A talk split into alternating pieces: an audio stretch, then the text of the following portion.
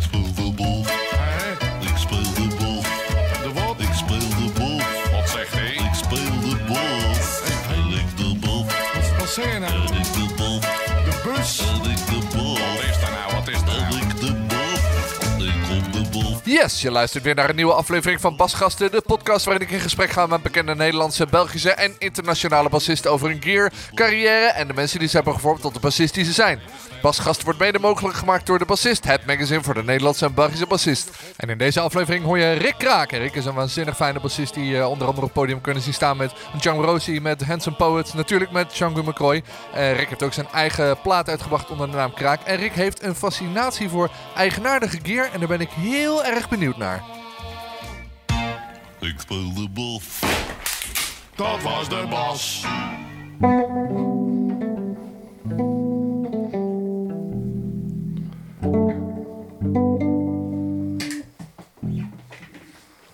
Vet. ja, Dankjewel. oude spullen Ja. altijd mooi. Nou ja, het leuke is, deze is niet heel oud. Het is een eh, Maxon of Maxon Ja. eh, analog delay. Dat is een bucket brigade. Dus de chip die erin zit is wel oud. Panasonic chip. Eh, maar het effect is denk ik 10 jaar oud. Eh, wel leuk. Ik ga je iets hoger gainen. Hallo, hallo. Ja, ik heb een heel zachte stem, hè? Nee, die microfoontjes die hebben gewoon een andere impedantie dan die ingang. Oh, precies. Ja. Nee, Dus, dan moet je dat wel even, even corrigeren. Hebben we nu gecorrigeerd. Hallo. Dus nu kunnen mensen ons wel horen. Leuk. Ah. Ja, leuk man. Kan ik, ook, kan ik ook zo vanaf een afstandje of zeg je... Jawel hoor, van- nee, dat is prima. Precies. Gevoelig genoeg. Ja, dat corrigeer ik wel met gainen. Ja. Nee, leuk man. Hey Rick. Ik ben in je Hi, studio. Rick. Ja, zeker. En, eh, en onder de indruk. Want als ik om me heen kijk, dan zie ik een soort eh, muur van oude zooi. Ja. Om het even heel onderbiedig te zeggen. Nee, dat mag. Zo noem ik het zelf ook vaak, ja. Nou ja, precies. Ja.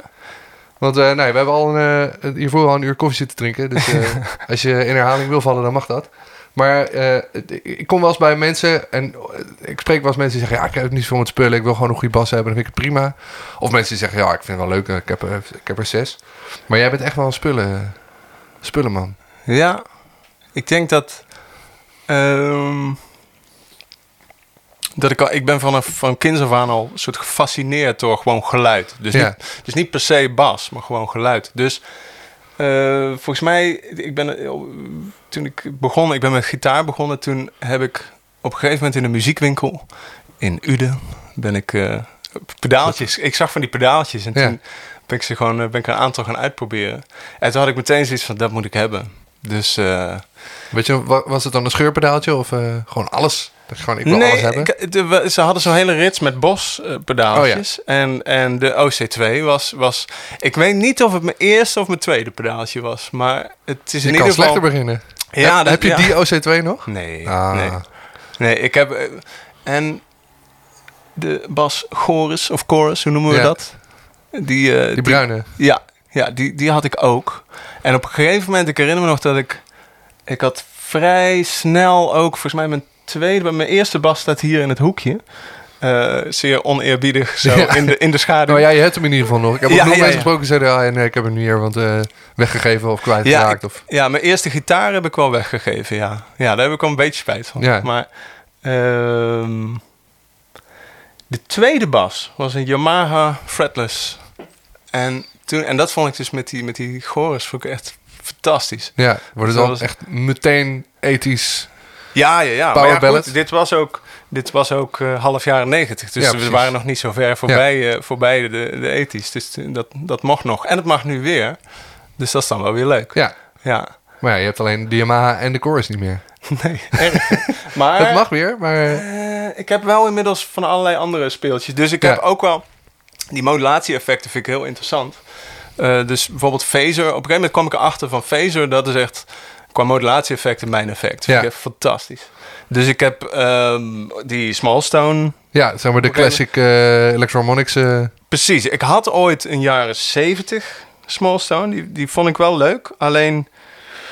dat zijn Ja, die grote, toch? Nou? Die was wat groter.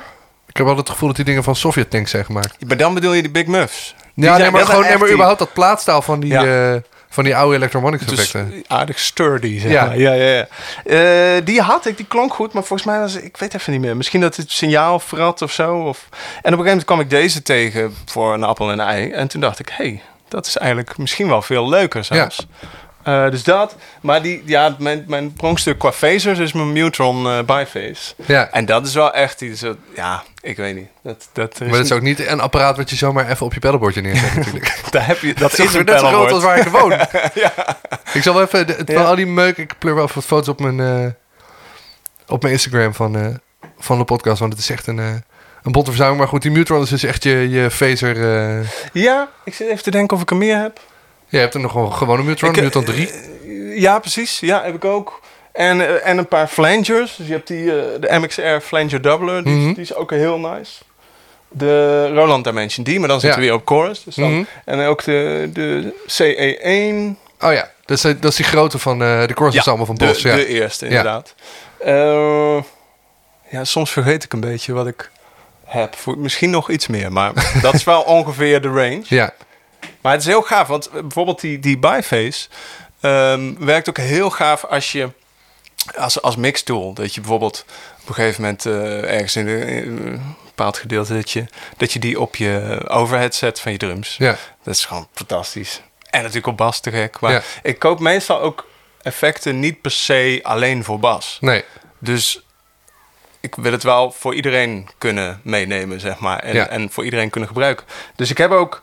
ehm, ik heb op een gegeven moment een paar van die lele pedaaltjes gekocht... om, Ja. het, om het te kunnen routen, anders te kunnen routen. Dus, eh, en die lele parallel, die is echt fantastisch. is Want dat een soort AB-switch of zo? het, is, eh, het, is, het is een effectsloop met, eh, met een mixknopje. Dus je hebt ook die, die, die, de D-loop, de gele. dat Mhm. is, de, die heeft twee ehm effectloops die je aan en uit kunt zetten. Maar dat is gewoon puur, je signaal gaat er helemaal doorheen of niet. Ja. Ehm, AB-switch is meer die. Dat is Oh, de is die dual, rode, dual, de ja. rode, ja.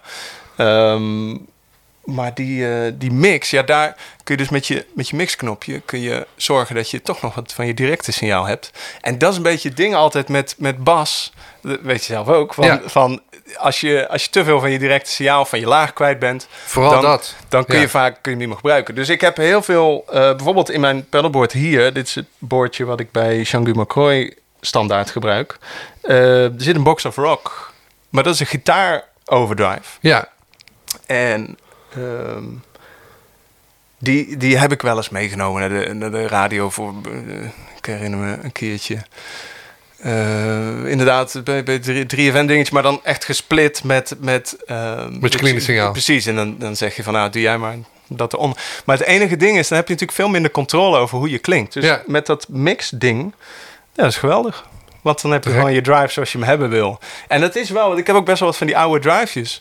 En die klinken te gek. Alleen het enige is, je bent al je laag signaal, ja. Ja, dus dan is het een beetje... Dus op die manier, je moet een beetje creatief worden Ja. met soort oplossingen om je signaal te, te behouden. En ben je dan Ja. iemand die dan denkt van... ik ga proberen wat er gebeurt als ik dit doe? Of denk je, ik, heb, ik wil dit bereiken... dan ga ik nu proberen welke spullen daarvoor nodig is. Dus begin je bij de manier waarop... of begin je bij het doel? Ik denk allebei. Ja, het ligt een beetje... Ik ben wel heel erg van... In de studio probeer ik na te denken... wat heeft dit liedje nodig? En als dat alleen maar een basgitaar is... dan is dat natuurlijk ook helemaal goed. Liever Eh, niet, maar...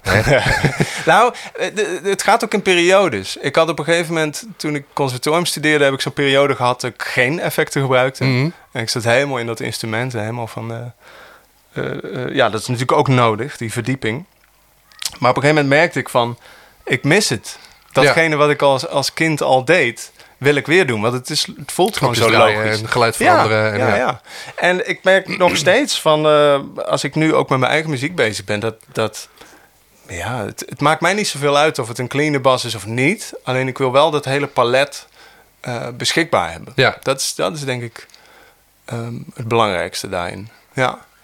Dus eh, Ik ben even benieuwd naar het begin van de schakel. Want je zei net, daar staat mijn eerste bas. Ik kan vanaf hier zien dat het ongeveer een zwarte precision is.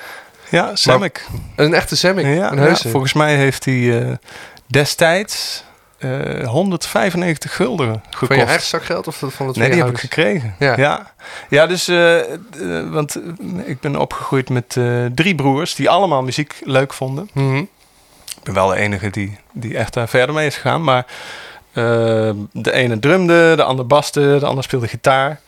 En toen ik eenmaal eh, tien was, eh, toen ben ik met gitaar begonnen. Mijn eerste gitaar was een Strat van het merk Vintage. Oh ja, ja. Ja, ja, dat. Ja, en dus op een gegeven moment, dat is wel, ik, oh, ik herinner me ineens. Was het vintage of vantage? Oh, dat zou ook nog kunnen. Vintage bestaat nog steeds. Vantage dat zijn die oude Chinese... Ik heb een, in Nou, mijn zal het leslokaal een vintage... zijn. eh, Een vintage. Oh, Ja. wauw. Ja, precies. Zo ja, komen we allemaal al- achter allemaal Ja, dingen. We ja, ja, kwamen ja. net tot de conclusie. Je hebt nu je... Je zei zelf, ik heb een 68 jazz. Dus een witte jazz waar ik denk veel mensen jou wel mee gezien hebben op het podium. En ik zeg, ik zeg die pas, ik dacht, dit is niet 68. Ja, Dus die hebben we net ja, opengemaakt. ja, ja. Maar eh, de uitkomst daarvan eh, houden we nog even eh, geheim. Precies. Want, maar goed, je had dus een vantage of een vintage. Houden we even het midden strak. Ja, ik vermoed toch vintage. Ik denk dat je gelijk hebt. Nou, die, die had ik dus op, op een gegeven moment... Die, die, ik had toen geen eh, steentje. Dus ik Nee. had altijd... eh, ik legde mijn bas zo op, op een stoel. En eh, mijn vader had een soort barretje naast ons huis. En zo. Dat was heel, heel leuk. Had hij heel leuk ingericht. Ik geloof zelfs Mhm. een pooltafel. En, en dus, er hing een hele grote spiegel boven die stoel. En op een dag eh, was ik buiten aan het, eh, aan het spelen. En ik hoor ineens... BAM! En toen was dus die spiegel was op mijn gitaar kapot gevallen. En dat is echt waar. Ik heb nog nooit zo gejankt om een instrument. Het was echt, ik was, ik mijn hart was gebroken. Ja. Ja. Dus toen heb ik uiteindelijk, eh, want toen zag ik me, zaten ze heel veel krasjes op. Ja, nu zouden we dat wel te gek vinden, maar toen vond ik dat echt niet. Dat zou ik nog steeds niet te gek vinden hoor, als een spiegel op mijn gitaar zou vallen. Ja, maar de krasjes waren op zich, ja, het, ja, het waren gewoon heel veel. Ja. Maar op zich, ja, ja, Het is gewoon zonde. wel subtiel of zo. Ja, het is heel zonde. Nee, dus daar heb ik... Ik was, eh, destijds vond ik eh, bouwmodelletjes maken heel leuk. En toen heb ik met verf van die bouwmodellen... heb ik dus die hele gitaar ondergekliederd. En ja, dus eigenlijk had ik hem wel moeten houden. Ik heb hem op een gegeven moment weggegeven. Maar ja, hij was dus best wel... Heb je dus Ja. thuis een vintage of een vantage strat die ondergekliederd is door een jongetje van 10? Neem even contact op. Ja, precies. En wat er, wat er dus gebeurde was... ehm, dus mijn broer speelde sowieso bas. Mhm. En dat vond ik wel gaaf. Toen, ik had op de muziekschool les, eh, gitaarles. En op de een of andere manier, na een paar jaar, dacht ik van ja, het is, het is niet dat ik alles kan. Het is alleen dat ik niks meer leer of zo. Het, het, op de een of andere manier was mijn spons vol. Ja, En ik dacht, ja, dit is... Ik, ik, ik wist het niet meer. En Toen eh, wel een beetje nagedacht van, nou, misschien met de gitaarles stoppen. En op een gegeven moment pakte ik dus die bas van mijn broer. Ehm, en dat, ik dacht ineens van, wow, maar dit is echt gaaf. ja. En eh, ja, Toen dus- viel het kwartje, zeg maar. ja, toen ben ik in de eerste periode een beetje gaan switchen. Dus één keer, ik had één keer in de week les. Dan had ik een week eh, les op gitaar en een weekje op bas. En nou is het leuk, op een gegeven moment, die docent zei ook wel van... joh, je moet op een gegeven moment wel kiezen. Ja, zei ik, ja, eigenlijk vind ik bas veel leuker. Ehm, de bas waar ik toen les op had, dat is die zwarte Fender Jazzbas. echt waar? Ja. Dat was, de, was, de, dat was de bas van je broer of van je docent? Nee, van, van de muziekschool. Ja, precies. Ja, ja dus, eh, dus ik heb eh, later, toen ik naar het conservatorium ging, heb ik een jazzbas gekocht. Volgens precies dezelfde specs. Want ik dacht, hè, ik wil Dat zo'n bas zoals ja. ik toen had. Of waar ik, waar ik toen op speelde. En toen had ik hem en toen dacht ik, ja, hij is eigenlijk helemaal niet zo tof. Het is Gewoon een, een nieuwe uit de koffer. Ja. Eh, ja, je kunt geluk hebben, maar ik had pech. Dus het was, het was niet zoveel eh bijzonders. En toen heb ik uiteindelijk die docent gebeld. En zei ik van, joh, ik zou heel graag die bassen omwisselen. En, en eh, noem maar een bedrag. Ik, maakt me niet uit, ik, ik moet die gewoon hebben. Want ja. ik denk er steeds aan en het lijkt me te gek. Dus uiteindelijk heb ik hem mogen omwisselen. Dus nu staat zeg maar de bas die jij nieuw kocht in de winkel. Die, ja, staat- ja, precies. Die staat daar waarschijnlijk nog steeds op Ja. de muziekschool. Ja, ja. Wat vet. Ja, dus, eh, dus dat is wel iets. Ja, daar heb ik mijn hele conservatoriumstudie eh, alle is- uren op gemaakt. Eind 70's denk ik. Is of zo? 78. Ja. Ja. Nou, nu weet ik niks meer zeker hè, qua jaartallen. Nee, ik ook niet. Ik ook niet. Ik, bij, die, dat, bij die is het wat makkelijk, omdat je die S en dan Ja. heb je 8. Dat is dan de, Ja. heb ik begrepen, dat Ja, dat klopt. eh, de manier is om het te zien. En hij is loeizwaar, dus dan weet je het op Dan zich weet je zeker dat het een vrij eind snel. 70's fan is. Ja, precies. Maar hij heeft iets, op een gegeven moment was ik, ging ik steeds meer spelen richting einde studie. En toen merkte ik ook, het, het- dat, dat brug-pick-up is best wel fel. Ja. Dat is natuurlijk ook Dus- waar die staat. Precies, precies. Ja. Dus toen ging ik steeds meer nadenken, wat wil ik nou anders? En toen dacht ik, ja, sowieso moet die bas lichter. Want ik kreeg steeds meer last van mijn rug. En ik dacht, als ik eh, op mijn zestigste nog steeds wil bassen, Ja. dan kan dit niet. En, eh, en die sound... Nou, toen ben ik dus jarenlang eigenlijk gaan zoeken. En uiteindelijk kwam ik dus bij deze uit. Ja. Ehm, wat inderdaad allebei die dingen had. Echt een veel deftiger, eh, Ja. deftiger brugpick-up en een stuk lichter. Ja, die dingen wegen niks. Nee, dus dat is wel heel fijn. Ja. Ehm, En er is jou dus tien jaar geleden verteld dat het een Jazz uit 68 is. ja, Paul Sips was dat. Ja, Paul Sips. Je had het mis, jongen. Maar ik kan me voorstellen dat hij, dat hij puur dat die bas is binnengebracht. Ja. En dat hij hem verder, dat hij heeft gezegd: Oké, eh, 68, Zou nou, kunnen, ja. prima. Want ik heb volgens mij ergens nog eh, die bon. En daar staat, ja, ik, herinner, ik heb fotografische eh, geheugen. Dus het is wel van inderdaad, ik weet zeker, er stond 68. Nou, we hebben net... eh, het zou kunnen dat het in de hal staat, hè? Want Fender in de jaren 60 was niet... Zeg maar vanaf 5, 66 was het een beetje een rotzooitje met CBS en weet ik veel. Precies. Maar we hebben hem net opengemaakt en de popmeters zeggen week 38 van deze 66. Ja, Dus het is dan oktober of zo. Precies. Dus als dat klopt, dan is hij twee jaar jonger dan je dacht. Ja, dus dat is toch wel weer, eh, weet je wel. Het, Ja, het is toch weer glimlach wordt 2000 steeds euro. groter. Ja, precies. Ja, en, Ja. maar er staan sowieso eh, volgens mij alleen maar oude bassen nu in jouw rek. Ja. Eh, ja, ik heb expres inderdaad, want er staat daar in de hoek nog een Sire. ja. Maar ik dacht van, als je Dat dan op een gegeven moment geen plek meer hebt in je kast, dan is- zijn wel de nieuwe bassen de eerste die eruit gaan Ja. Ehm, Terwijl je toch zou denken, die nieuwe bassen, die, moeten, die, die zijn nog niet beschadigd. Dus die moet je dan, daar moet je een beetje voorzichtig mee zijn. Ja, maar dat is niet waarom ik die bas heb gekocht. Ik heb die Nee. bas gekocht zodat ik er niet zoveel... Nou, nee, dat klinkt te oneerbiedig. Eh, ik, ik had op een gegeven Die mag een moment... krasje hebben, laat het zo zeggen. Ja, die, ik had op een gegeven moment dat ik steeds meer ook ging vliegen om te spelen. En weet je, ik heb wel eens in het begin gehad dat ik dan met mijn gigbag bij, de, bij, bij de balie aankwam. En dan zei ik, nee, nee, deze gaat mee als handbagage. En, en 10, 15, ik weet even niet meer wanneer de eerste keer was dat, eh, dat dat voorkwam. Maar toen lukte het nog, Ja, toen lukte het nog om, om hem binnen te lullen. Alleen nu is het, ja, ze hebben gewoon hun policies. Dus of Ja. het kan wel, of het kan niet. ja en, En- als het dan wel kan, dan moet je meestal een extra stoel kopen. Ja, precies. En anders moet hij dan inderdaad in het bagageruim. Dat heb ik vorig jaar een keer gedaan. En dat had ik, ik ben echt misselijk geweest, die hele vlucht van de zenuwen. Ja. Oh ja, dat is wel. erg. Ja, precies. Dus ik heb op een gegeven moment, ik herinner me die 78er, die heb ik een aantal keer meegenomen. En op een gegeven moment speelde ik in Zimbabwe. Dat was in 2013, dacht ik, Dit- 2012. zo. Dit is sowieso al, op een gegeven moment speelde ik in Zimbabwe. Is natuurlijk al het begin van een anekdote. Ja, dat was, nou, was wel een bizarre trip, ja. Ja, het was met Handsome Poets. Hadden we, waren we uitgenodigd door de ambassade, de Nederlandse ambassade. Oh ja, dat kan me nog wel herinneren, ja. Ja, we speelden op dat, dat Haifa ehm, Harare International Festival of Mhm. Arts. Heel gaaf festival, maar dat is wel een bizarre plek, ja. Ja. Ja, dat was toen nog onder Mugabe. En dat is dan zo'n plek waar, ja, op de een of andere manier zegt niemand zijn naam. En Nee. dat is iets wat wij helemaal niet kennen. Nee, En- precies. dus het was eh, een bijzondere, verrijkende trip. Dat festival was echt fantastisch. Een soort, zoals ik het begreep, één keer in het jaar dat, dat, dat het regime eigenlijk een beetje door de vingers ziet. ja. Van, van oké, dan mogen jullie ding doen. Maar eh, we hebben daar ook in een gevangenis opgetreden. En dat is echt... eh, Dat lijkt me super heftig. ja, dat is eh, de, de heftigste optreden uit mijn leven. Ja. Dat is echt... We kwamen daar aan en dan moet je, moet je ook bij, bij de poort moet je, je, je paspoort eh, afgeven. Ja, tuurlijk, ja. Dan- Afgeven ook echt. Ja, ja, dan zeggen ze, eh, oké. En, dan, en dan heb je echt zo'n gevoel, oh shit, hier binnen Nu is het serieus. besta ik niet of zo. Of, of alles kan gebeuren. Ik weet Ja. niet, het is, misschien dat is overdreven. Nee, maar ik kan me voorstellen dat je maar het gevoel voelt hebt dat je een soort vogelvrij bent van... oké, zij hebben mijn paspoort, ze kunnen met me doen wat we willen. eh, Precies, wat ze willen. precies. En het was ook tot echt een half uur voordat we daarheen vertrokken... was het onduidelijk of het door zou gaan of Oh niet. ja. Dus eh, ze zijn, ze zijn daar behoorlijk voorzichtig met mensen van buitenaf toelaten op dat soort plekken. Mhm. Ehm, ja, vanwege mensenrechten schendingen en, Tuurlijk, ja. en, en dat soort dingen. En, maar uiteindelijk ging het dus door. We sprongen een busje in, daarheen. We komen er aan, eh, naar binnen. We liepen door zo'n zo'n cellenblok. Nou, echt oh, smerig. En, en echt, je hebt meteen, je voelt zo van deze plek. Ah, je, ja, je zult hier maar zitten. Ik wou net zeggen, jij bent er dan een paar uurtjes. Ja, ja, ja, maar het was echt zo indrukwekkend. En, en dan kwamen we, liepen we dat, dat, dat veld op buiten. En daar zaten 500 gevangenen op hun knieën. Zo, of op een, hoe noem je het, kleermaker zit. Ja. In de brandende zon.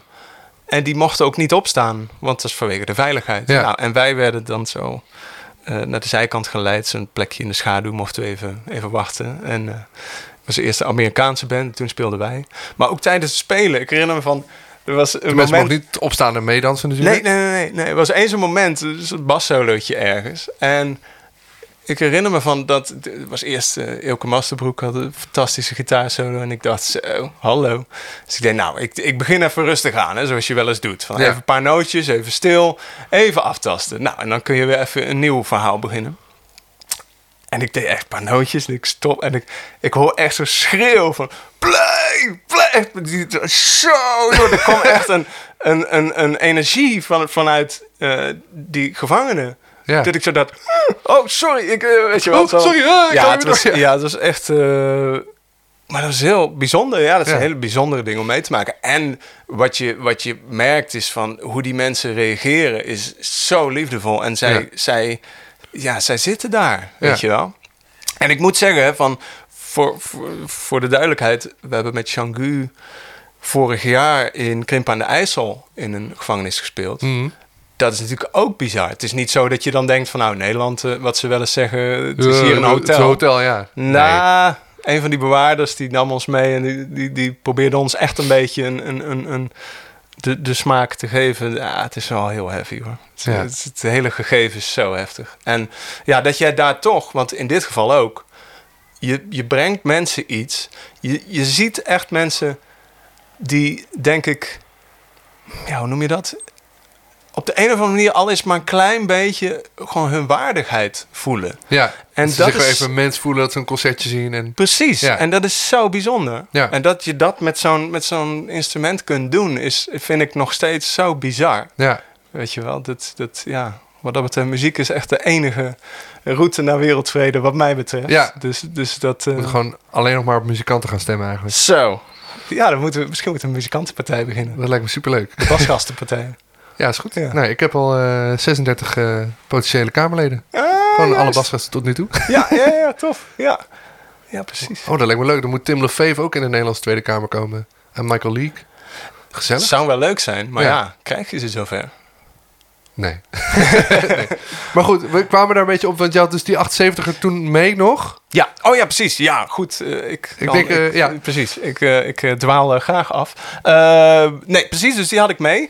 En nu komt natuurlijk nog de clue van het verhaal. Dus wij vliegen terug. Vanuit Harare vlogen we eerst naar Kenia. En hadden daar een stopover van zes uur of zo. En dan vlogen we door.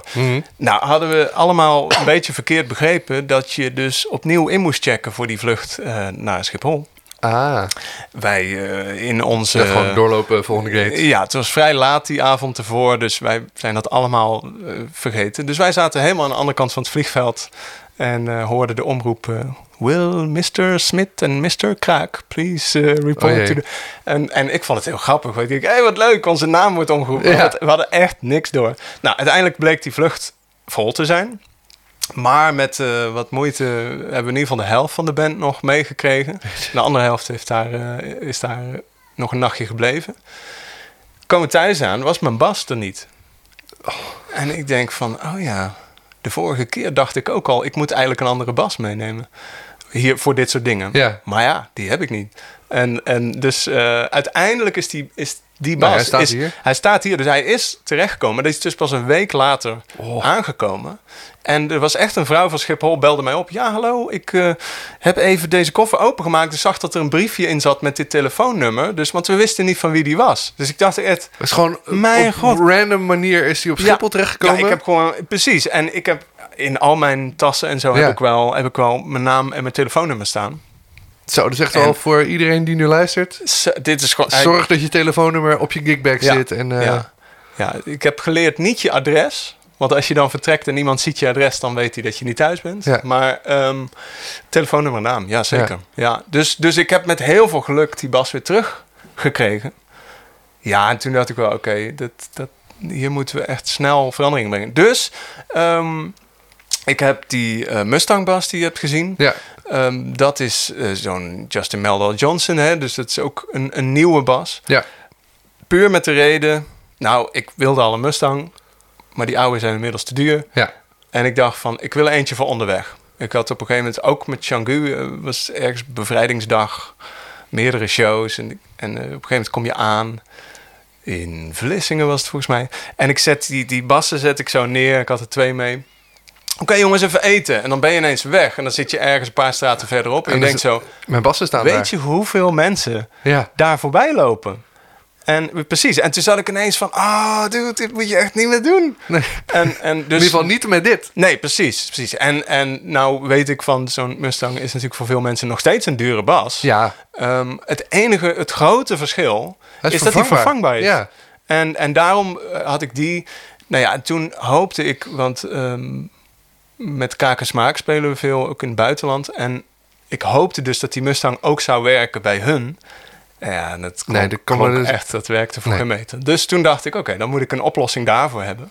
Ehm, dus ik had jazzbas, wat, was wat ik bij hun speelde.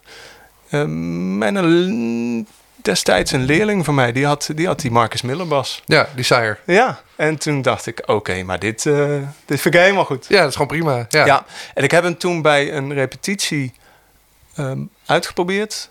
Toen had ik ook deze mee, de inmiddels 66 de jazzbas. ja. En toen dacht ik van, weet je, die, eh, die Marcus Miller die werkt beter. Bij Kakensmaak is hij gewoon beter. Dat ik kan me daar ook wel iets bij voorstellen. Het- Dat, het- dat een beetje actieve, high-fireige... nou, terwijl ik hem nooit actief heb staan. Nee, maar het is toch... Dat, za- die, die, Hij is wat die, feller. ja, en Ja. Die, die 6 is gewoon wat droger en wat... eh, Ja. ja. Ja, dus ik heb wel eh, bij... Als we, als we bijvoorbeeld een radio-dingetje doen of een tv-dingetje is... dan kan ik wel eens zo'n zo'n oud ding meenemen. Maar in principe... Ziet er nee, ook lekker uit op tv. Precies, Ja. precies. Eh, nee, maar dus, dus ja, dat werkt gewoon supergoed. En ook weer, als je gaat vliegen, dan check je hem gewoon in. En je denkt, ja, we zien wel of die aankomt. Ja. En, en ja, meestal... Als het eh, niet tot nu gebeurt, toe is het aan. kloten. Maar dan bestel Ja, je tussen aanstekens precies. gewoon een andere. Ik heb vorig jaar de ervaring gehad met die Mustang. Eh, vloog ik, eh, was met een Chamrosi, speelde eerst in Luxemburg en toen ergens in Tsjechië. En moesten ook weer die stopovers, daar gaat het vaak mis. Ja. En toen kwamen we aan in Praag en toen was die Mustang er niet. En toen was het wel een beetje, oh ja, maar we moeten echt vanavond spelen. Ehm, heel snel via een verhuurbedrijf een jazzbas geregeld. En dan merk je gewoon, je maakt je geen zorgen. Je denkt, ja, dat komt er goed, joh. Ja. En dat is het verschil. Met Ja. zo'n oude bas denk je, oh. als het maar goed komt. Ja, ja, ja. En, en ja, dat is best wel een verschil. Ja, met zo'n met zo'n mis denk ik, linksom of rechtsom, komt het op een of andere manier wel goed. Precies. Ja. Precies. Ik wil nog één bas uit je rechter even uitlichten, want er staat een hele gave Coronado en een hele gave Hufner. Nou, Maar ehm, toevallig eh, zat ik van de week in het appgroepje van mijn Amerikanenbeentje. Zaten we van, eh, er staat een Gretje, een oude Gretje op, eh, op Marktplaats. En toen zei ik, het was een hollebody, toen zei ik... Ja, maar dat is een hollebody met alleen maar een brugpick-up. Daar heb ik niks aan. Want in mijn hoofd doen hollebodies foemp. En daar kan een brugpick-up niet. En toen stapte ik net hier binnen en toen zei ik... Ik ken die Gretje ergens van. ja. Dus die heb jij van Marktplaats gesneden. ja, zeker. Ja. Ehm, waarom? Behalve Nou. dat hij gewoon er heel gaaf uitziet. Nou, ten eerste, ik denk dus niet zoals jij. ik ga gewoon spelen en dan denk ik, vind ik dit leuk Ja. of niet? Dus inderdaad, ehm, bij die Coronado heb ik hem steeds op dat neck pick-up staan. Ja. Want dat is inderdaad die sound. Maar bij die Gretsch dacht ik, ik vind het gewoon een fascinerend instrument. Ten eerste omdat hij echt mega groot is. Ja, Ten tweede het feit dat hij... Het, het is wel een hollowbody, maar hij heeft die, die F-gaten die zijn dicht. Dat Ja. zijn stickertjes, zoals bij de Country Gentleman eh, gitaar. En ja, ik was er gewoon benieuwd naar. Dus ik heb hem, ik heb hem uitgeprobeerd. En ik had meteen zoiets van, dit is zo'n raar ding. Die moet ik hebben. Dat, dit voegt Ja. echt iets toe. Ja, dit heb ik niet. En ik, had, ik was erop aan het spelen. ehm, ook op het harde volume. En toen kreeg hij echt een soort bijna fretless-achtig contrabas geluid. Ja, en ik heb ze vergeleken natuurlijk. Maar dat haal je niet uit die andere bas. nee, dat kan me Dat voorstellen. is totaal. Maar ik heb nog geen. eh, ik bedoel, het is niet dat ik nu al een, eh, een, een, een opname in mijn hebt hoofd pas heb een paar van. eh, ja, ja, die heb ik pa- echt pas net, ja. Ja. Dus ik heb nog geen opname in mijn hoofd van daar zou die goed passen. Nee, zo. precies. Maar ik heb wel meer spullen waarbij ik het gevoel heb van dit komt ooit van pas. Ja. En eh, wacht even, ik ga die mic ietsje hoger zetten, want hij is, hij is toch weer. Je hebt gelijk. Mijn Ja. mic stand. Knip het gewoon uit. Zo. Eh, ja, precies. Ja, dat weet ik van jouw podcast. Ja. Ehm, ik heb bijvoorbeeld ook de- qua effecten de, de... Oh ja, dat is nog een phaser. De Roland Jet Phaser. En dat is iets, er is een videootje op YouTube met eh, Larry Graham waar hij dat ding eh, demonstreert. Oh ja, volgens mij heb ik Ja, het gezien. Zo'n lijp effect. Ja, maar het is gewoon als die man iets doet, dan is het al lijp. en dan ja, ook nog met zeker. jetphaser. Ja, ja. En, en toen dacht ik van, oké, die dat, dat moet ik gewoon hebben. Dus dat ding, eh, zoals wel meer van die effecten die ik heb, daar ben je dan gewoon een paar jaar naar op zoek. En op een gegeven moment vond ik er een. Dat Ja. was vanuit Duitsland, dacht ik. En ehm, dus ik heb dat ding aangeschaft. En sindsdien heb ik hem volgens mij iedere studiosessie heb ik hem bij me. Gebruik je hem ook iedere Ik heb hem nog nooit gebruikt. ik heb hem nog nooit gebruikt. Maar dat is, dat is een soort... Dat effect symboliseert voor mij precies de essentie van waar het om gaat.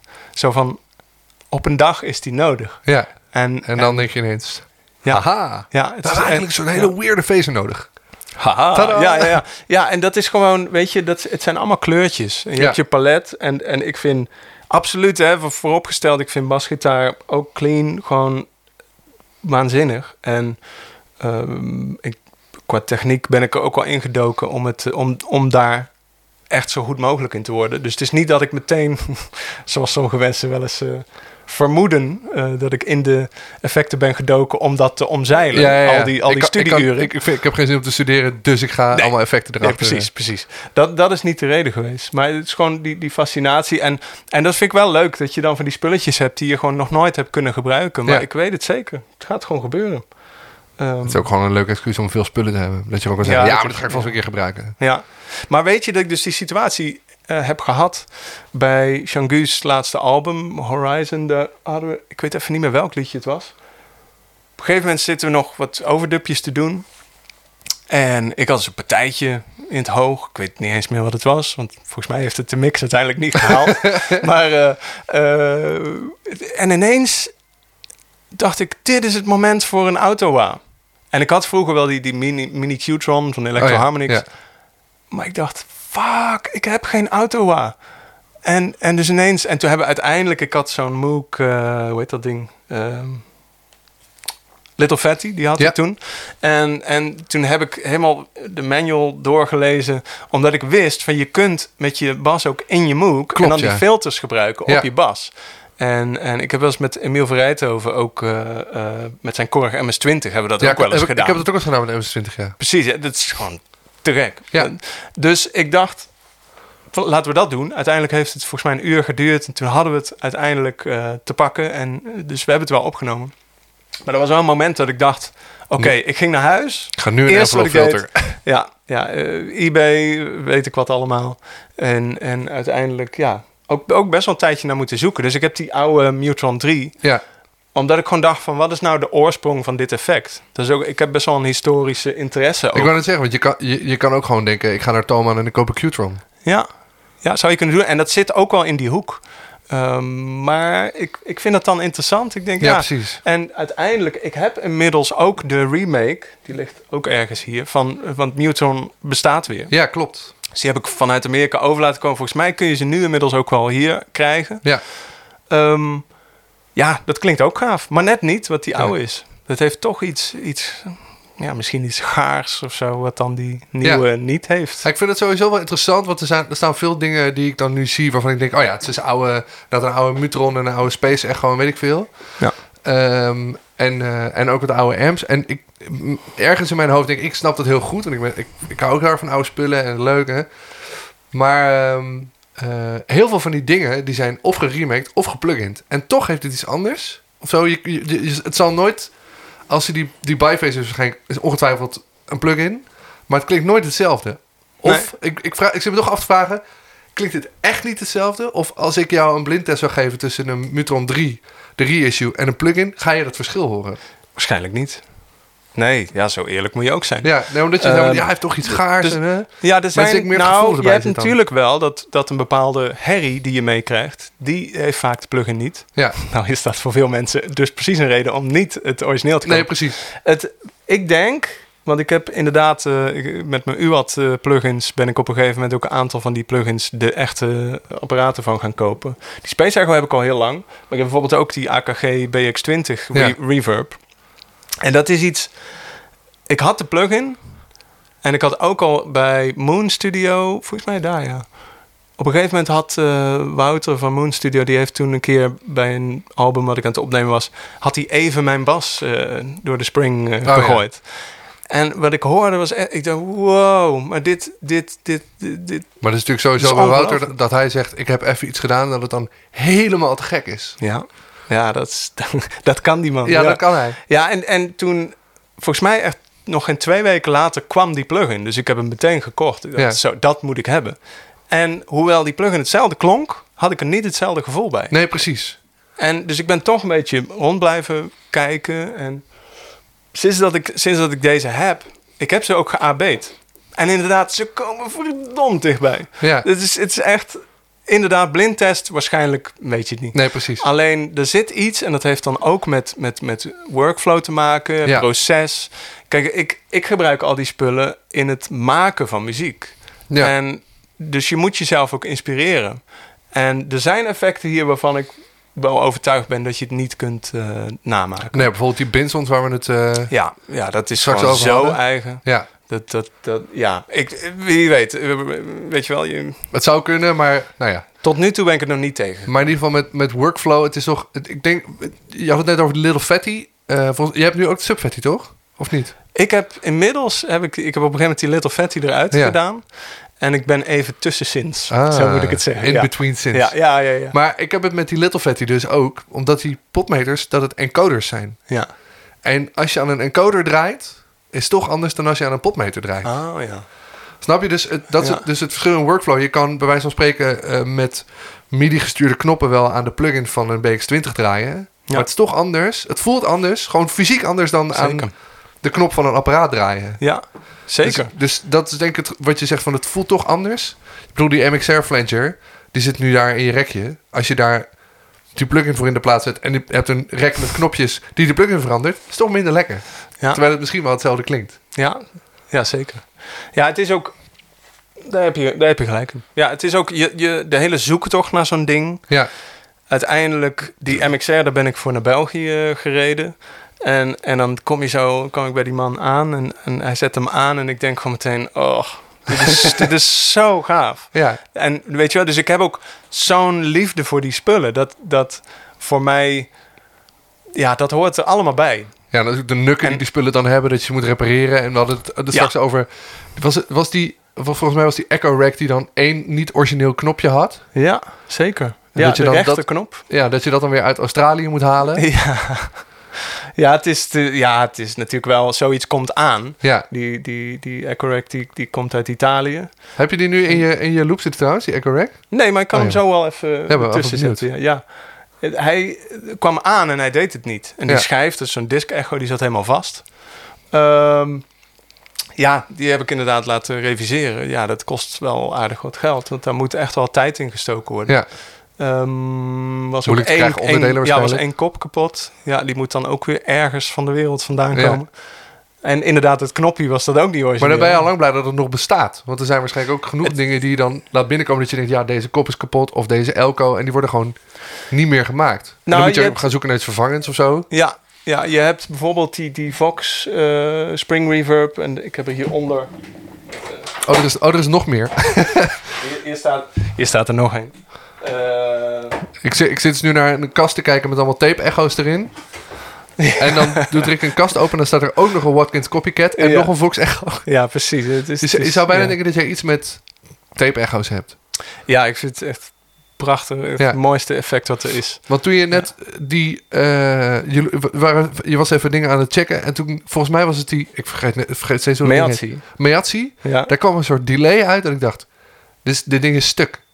Ja, dat is, dat is inderdaad eh, zoals ik hem ook omschrijf. Het Ja. lijkt alsof dat er een soort... eh, het is gewoon een kapotte tape echo. Maar, Ja. maar het klinkt zo uniek. En je hebt hem nu in je loop zitten, toch? Ik denk dat heel veel kan- mensen nu wel denken... terug... eh, ja, ik ben wel even benieuwd.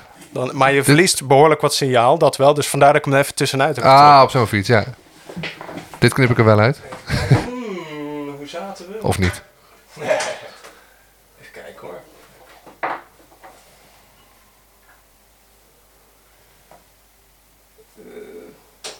Het is altijd, ik heb nu hier zoveel kabels liggen dat, dat ik eventjes eh, nummer 6 was het, dacht ik.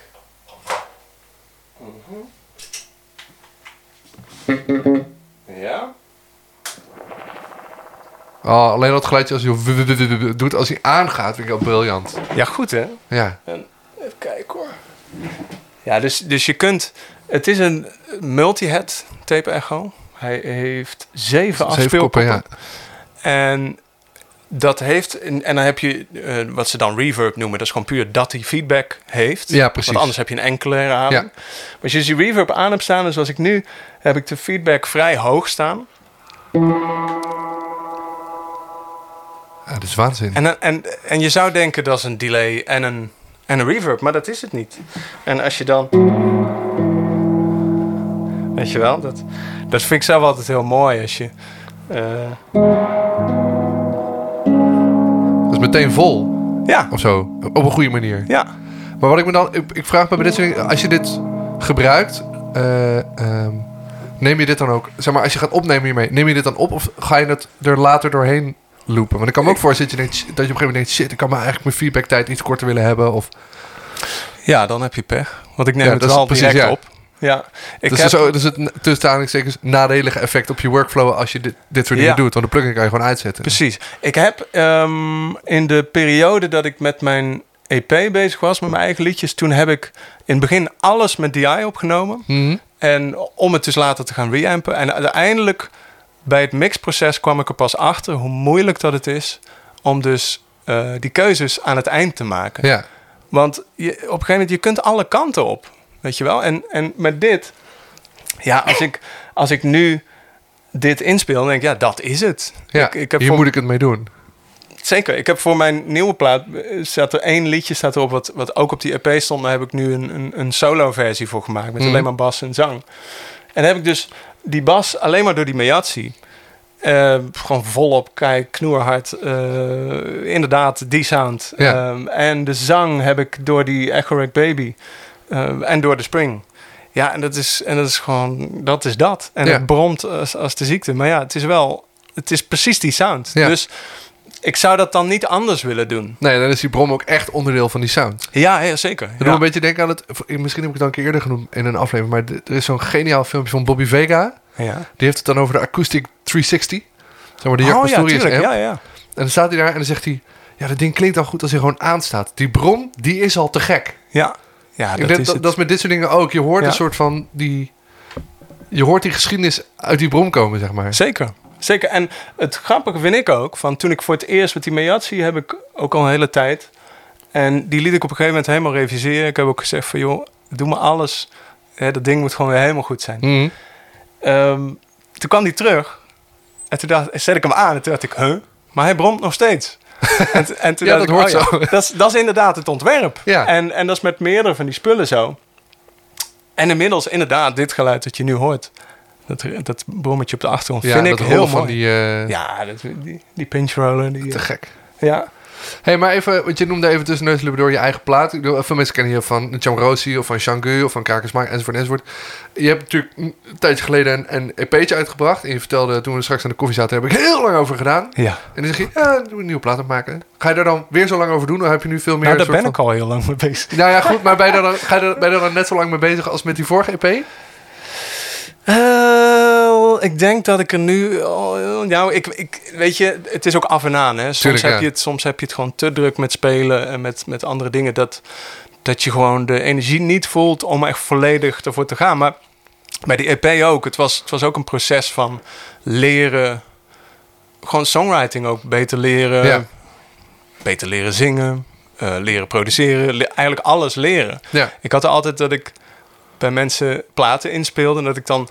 Dan heb je wel eens waarschijnlijk herkend. Herkennen heel veel mensen dit. Van dat je dan in de studio zit. En je denkt van nou, ik ben blij en is vet. Maar er is iets met dat liedje. Er is iets wat ik anders Ja. had gewild. Ja. En, dan, en dan op een gegeven moment had ik het ook wel eens met, met zang. Dat je denkt van ja. Shit, die melodie, dat had toch. Ik weet niet of hoe iemand het zingt. Of, en, dan, en dan denk je van. Ja, oké, eh, met je grote mond. Ga het dan maar eens doen. Ja. En dat is ook een beetje bij mij een trigger geweest van... oké, dan ga je dat doen. En dan ga je dat proces aan. En dan ga je er dus ook achter komen dat het heel moeilijk is. Ja. Het is fucking moeilijk om een tekst te schrijven... en om een melodie, een goede melodie te maken. En dus die, die hele EP, daarom heeft die EP zo lang geduurd. Maar het lijkt me ook wel pittig om dat dan in je eentje te doen. Weet je, als je met een beentje aan het schrijven gaat in de oefenruimte of in de studio, waar dan ook. Ja, dan krijg je net het feedback van elkaar. Ja. En het lijkt me als zeg maar solo-artiest en heel moeilijk om dat allemaal in eentje te doen, maar dus ook eh, om ervoor te zorgen dat je niet. Ik zou heel erg verdwaald raken in mijn eigen ideeën. Ik denk, oh, je hebt nog een ideetje bij, dan ga ik dat er ook nog bij pleuren. Zeg maar, zodat het niet een soort volle Ja, dat is, dat is wel een van de opmerkingen die ik bij mijn EP heb hoor. Dat, die- dat ik hem vrij vol vind. Ja. Als ik er nu, maar dat is ook een leerproces. Ja, Eh, ik ben er nog steeds heel blij mee. Alleen ik hoor inderdaad dat ik heel veel ideeën had. En, en dat ik het soms moeilijk vond om ze te trechteren. En waar ik dat nu veel makkelijker kan. Ja. Ik, ben, ik ben toen, die, die EP heb ik afgemaakt qua opnames in 2014, begin of eind, of richting 2015. Eigenlijk vanaf toen ben ik meteen weer gaan schrijven. Dus die Ja. EP was nog helemaal niet uit. En ik was al met die nieuwe muziek bezig. En dat is dan ook een reden waarom dat het zo lang duurt. Is omdat je dus, je bent aan het schrijven, je legt weer weg, je schrijft weer wat. En ik heb best wel veel geschreven in de tussentijd. ja, Alleen, er moet ook een reden zijn voor een plaat. Dus ik had, ehm, ehm, los van het feit dat ik die muziek echt voor mezelf schrijf. En, ik bedoel, ik ben niet eh, heel, eh, heel actief bezig Nee. om, om te zorgen dat de wereld het hoort. Maar het, het moet gemaakt worden, voor mijn gevoel. En nu bij deze plaat had ik na een paar jaar pas... dat ik ineens een soort thema begon te zien in die plaat. Ja. En dat eigenlijk steeds meer bepaalde liedjes blijven drijven... en denk ik, die passen gewoon bij elkaar. En er is een thema en er is een sound die steeds meer, steeds duidelijker wordt. En, en daarbij op zich betrek ik wel mensen, als in hè, van ik laat het aan mensen horen, Ja. vraag om feedback. En dan heb je gewoon een paar mensen om je heen. eh, je moet nog een eh, drummer hebben die dat inspeelt. ja, ja, dus uiteindelijk nu, want om, om terug te komen op, eh, op je vraag of het nog heel lang gaat duren. ehm, inmiddels zijn de liedjes er. En ik, heb, ik ben op een gegeven moment begonnen met drumopnames. En toen had ik nog in mijn hoofd om het te doen zoals de EP. Dus verschillende drummers die de liedjes inspelen en ik doe alle andere dingen. Mhm. En toen heb ik ehm, de drums heb ik bij Okapi Studios in Rotterdam, of studio in Rotterdam opgenomen met Jan Pol. Een fantastische drummer ook. Mhm. En we hebben toen een paar sessies gehad met dus verschillende drummers. En de, de laatste sessie was met Jelle Huiberts, de drummer van Jean ja. Ja, en, en ineens dacht ik, fuck, het is, het is in één klap, het is Niks helemaal duidelijk. van Jan Pol, maar... Nee, nee, Jan is fantastisch. Ja. En, en, en ook Erik Spring in het veld had al een aantal liedjes ingespeeld. Maar ik zat ineens met een soort dilemma. Want ik denk, ja, maar deze sound... En ineens viel bij mij het kwartje van je doet dingen ook vanuit gewoonte. En ineens dacht ik, ik wil niet meer zoals de vorige keer dat ik alles doe. Nee. Ik wil meer dat het een gezamenlijk proces is. Oké, ik heb de touw- touwtjes stijf in handen en zo ben Ja. ik dan wel. Ik ben best wel een control freak. Maar ehm, ja, toen heb ik dus eh, toen heb ik de Jangu Band eigenlijk gevraagd. Ja. Om uiteindelijk, die gaan dat inspelen. Dus Gijs en Patrick en Jelle. Ja. Ja, precies. En dan hebben we nog eh, Floris van der Vlucht en Rendel Heijen. Die gaan nog... Ik heb voor één liedje een blaas, eh, eh, geschreven. Ja, dat zijn van die dingen. Die vallen dan ineens op zijn plek. Ja, en dan moet je dus als controlfreak je vertrouwen leggen in die muzikanten. Maar het voordeel is dat je weet wie het zijn en wat ze kunnen. En ook wat je soms Precies. kan vragen. Precies, ja zeker. En het is ook zo dat we gewoon de afgelopen tijd... ehm, we hadden natuurlijk met, met corona beperkingen... dat we, we, we zouden net gaan toeren. Ja, En dus dan zie je elkaar even een tijdje niet. En toen zou elkaar wel weer. En toen hebben we een keertje zo'n optreden in de AFAS gedaan... binnen, binnen de maatregelen. Zeg maar. Het was echt Ja. voor het eerst dat iedereen stond te spelen. En dan realiseer je van... wauw, dit is zo'n bijzonder clubje. ja. Ehm, ja, goed. En dan zing ik al zelf. Dus anders, anders zou ik ook Jean-Gu kunnen vragen. Ja, maar, precies. Maar, eh, de backing staan er ja, niet op. precies, precies. Ik heb laatst, ik heb, ik heb eh, Jean-Gu gevraagd van... Vind je het goed trouwens, als ik jouw band gebruik voor mijn plan? Vond hij heel leuk. Hij zei, nou, als ik, het zei hij inderdaad, als ik de backings mag doen, dan vind ik het prima. Nee, je Ehm, kan slechter treffen. ja, ja, ja.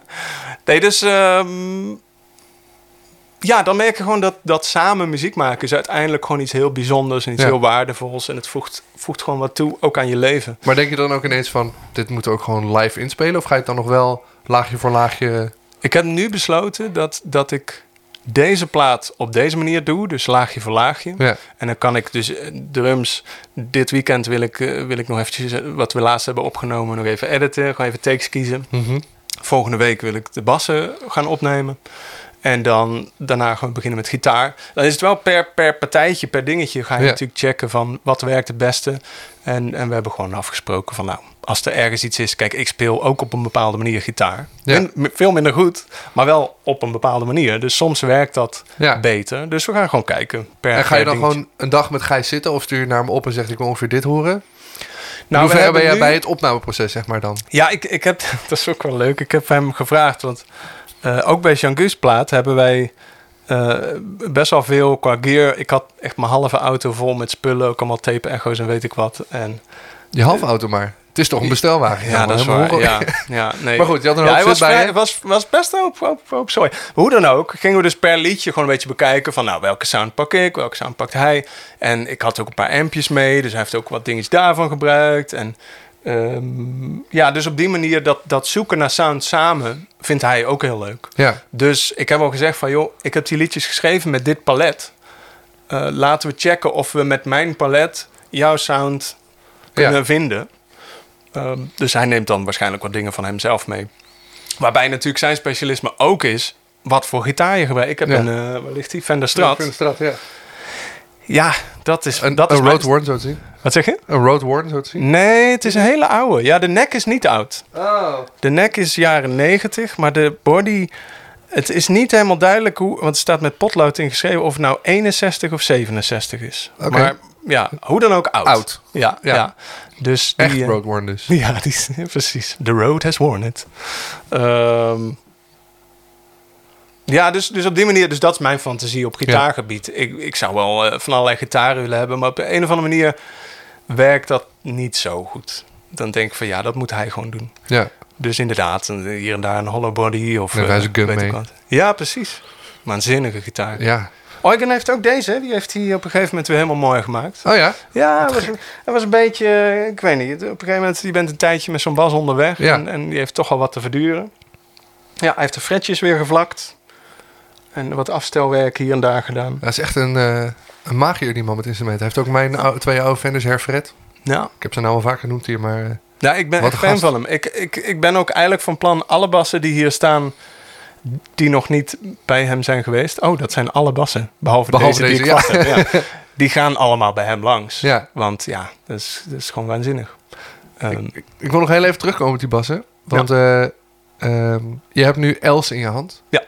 En eh, onlangs is Thea toegevoegd. ja, Er zi- er zijn mensen die hun instrumenten bijnamen geven.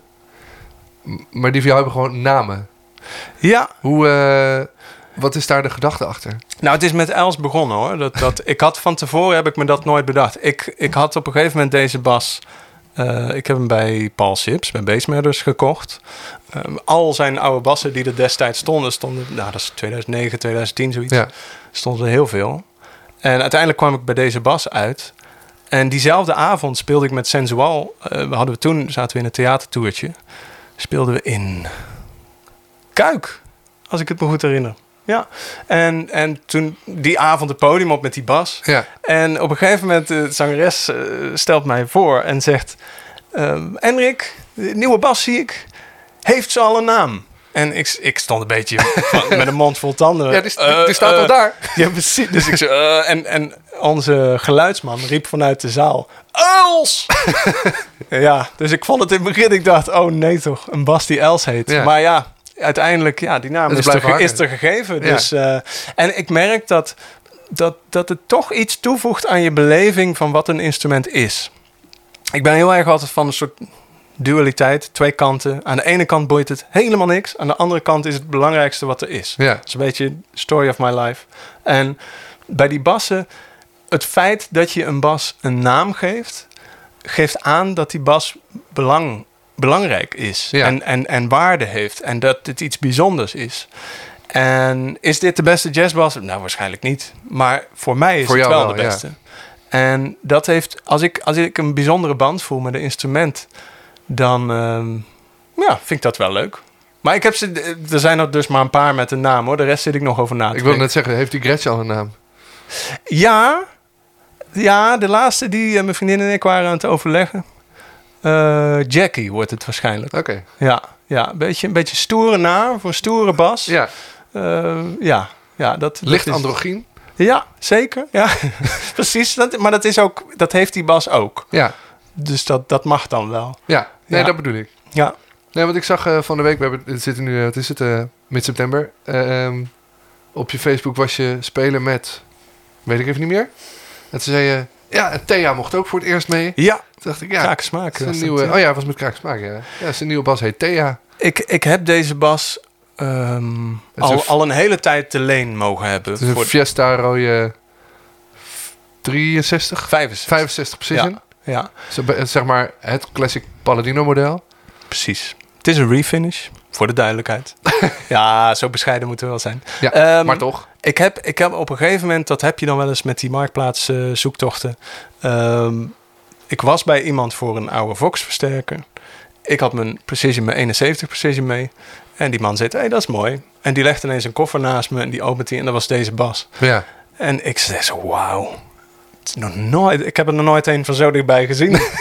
Weet je wel? De, de echte, zeg maar. ja, precies. Ja. En, en toen was ik verder aan het spelen. of zo ben je dan. Dus Ja, wow, dit, ja dat, dit en is dat, het dus. Dat heb je dan niet snel, maar deze... Ik had, Ja. ik had die bas vast en ik dacht, jeetje, dat is wat. Dus die man zei, als je wil kun je hem wel lenen. Toen zei ik, huh? Sorry? Maar, maar we kennen elkaar pas net. Ja. Dat, dat doe je toch niet? Nou, uiteindelijk eh, heb ik hem dus inderdaad... eh, ja, ik zei, nee, sorry, dat doe ik niet. Er was iets met die versterker, dus hij ging die laten checken. En een week later, ik heb hem toch maar geappt. Zou ik toch niet die bas even mogen lenen? ik heb hem echt een half jaar te leen gehad. Wauw. En al voor een paar studio dingetjes gebruikt. En, en iedereen overal waar ik kwam had zoiets. Ja, dit is echt waanzinnig. Dus, eh, dus, dus zodoende. En uiteindelijk heb ik hem kunnen overtuigen.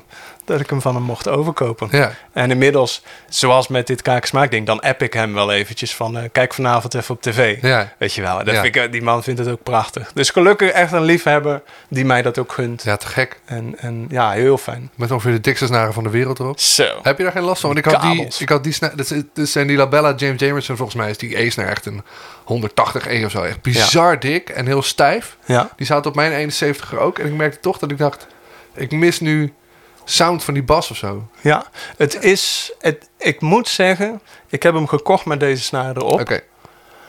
Ik heb normaal... Ja, ze liggen daar. Van die, van die labella's. Ja, die, Wat lichter. de, wat, ja. de wat lichter. Volgens Ja. mij 43, ja, zoiets. 103 Ja. of zo. Dat, zijn, dat is gewoon die standaard set eh, Labella's. Precies, Die precies. op de mijne dus nu ook. Precies, want die heb ik op, op die andere Precision ook. En dat Ja. vind ik echt een waanzinnige snaar. Dus ik denk, ik denk dat wanneer deze snaar vervangen worden... dat er wel een iets lichter setje Maar ja, opkomt. Met flatmounts, vervang jij die? Ja. Ja, ja, ik weet ik, ik luister jouw podcast. Ik Ja, weet wat zeggen. andere mensen ervan vinden. Nou ja, Maar- er zijn mensen... Wie was dat nou? Dus Er was nog iemand die zei... Ik vind nieuwe flatmounts altijd het, be- voor- het beste klinken. Ik denk, ja, Ja. Ja, ik vind... het verschil ehm, niet. Maar het, is bij mij eigenlijk gekomen, die 71 Precision, die heb ik ook alweer heel lang. ehm, die kocht ik met round wounds erop. Mhm.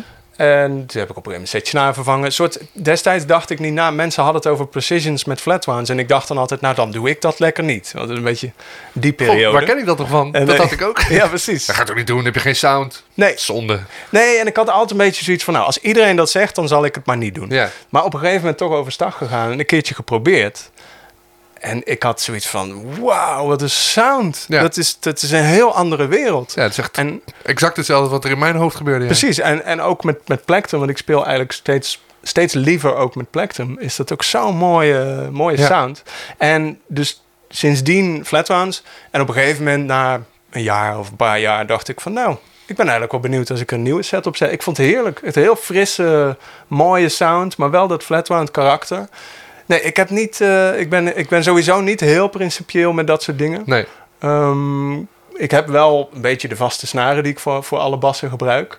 Ehm, maar dat is denk ik ook op toeval gebaseerd. Dat je Ja. op een bepaald moment een snaar tegenkomt. Dus, ik oh ja, ik heb bijvoorbeeld met Roundwounds, eh volgens mij ik die hierop zitten, de DR Lowriders. Ja, Ja, ja. Fantastisch. Hele stugge snaar. Moet je echt werken, werken voor je geld. ja, maar vind ik op een jazzbas ook wel lekker. Ja, ja, ja en, en, en zo, ja, een gegeven moment als je het helemaal gevonden hebt, dan is dat ook fijn. Ja.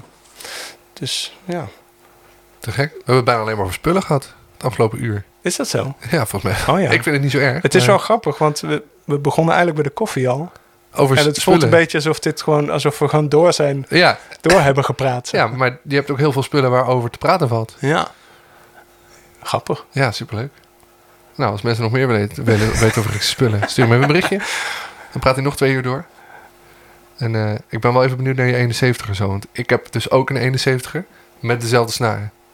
Juist. Waarschijnlijk klinkt hij voor jou totaal anders. Dat zou Want dat, eh, ik heb laatst met Judith Renkema hebben we onze precisions vergeleken. En ik wist niet dat ze zoveel konden verschillen.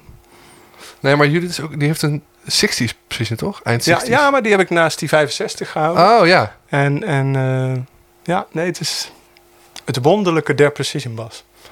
Jullie drinken maar aflevering eh 15 van Vorseizoen. Precies. Leuk. hey, Rick. We gaan nog even wat basjes vergelijken, maar eh, ik vond het superleuk. Ik vind het nog steeds leuk, maar Te gek. we gaan ja, de volgende keer over muziek maken praten. Dat moeten we doen. Ja, precies. Je hebt nog een aflevering van me te goed. Ja, ja, ja. Gewoon eh, 2.0. En eh, je hebt me een paar tracks gestuurd van platen die je hebt ingespeeld die, waarvan je zei, die zijn bijzonder voor mij. Ik dacht, ik ga maar gewoon Jean McCoy en John Rosie sturen en zo. Maar toch dingen die mij niet heel erg, zeg maar, in het, in het vizier stonden. Ja, Die zet ik wel even in de playlist.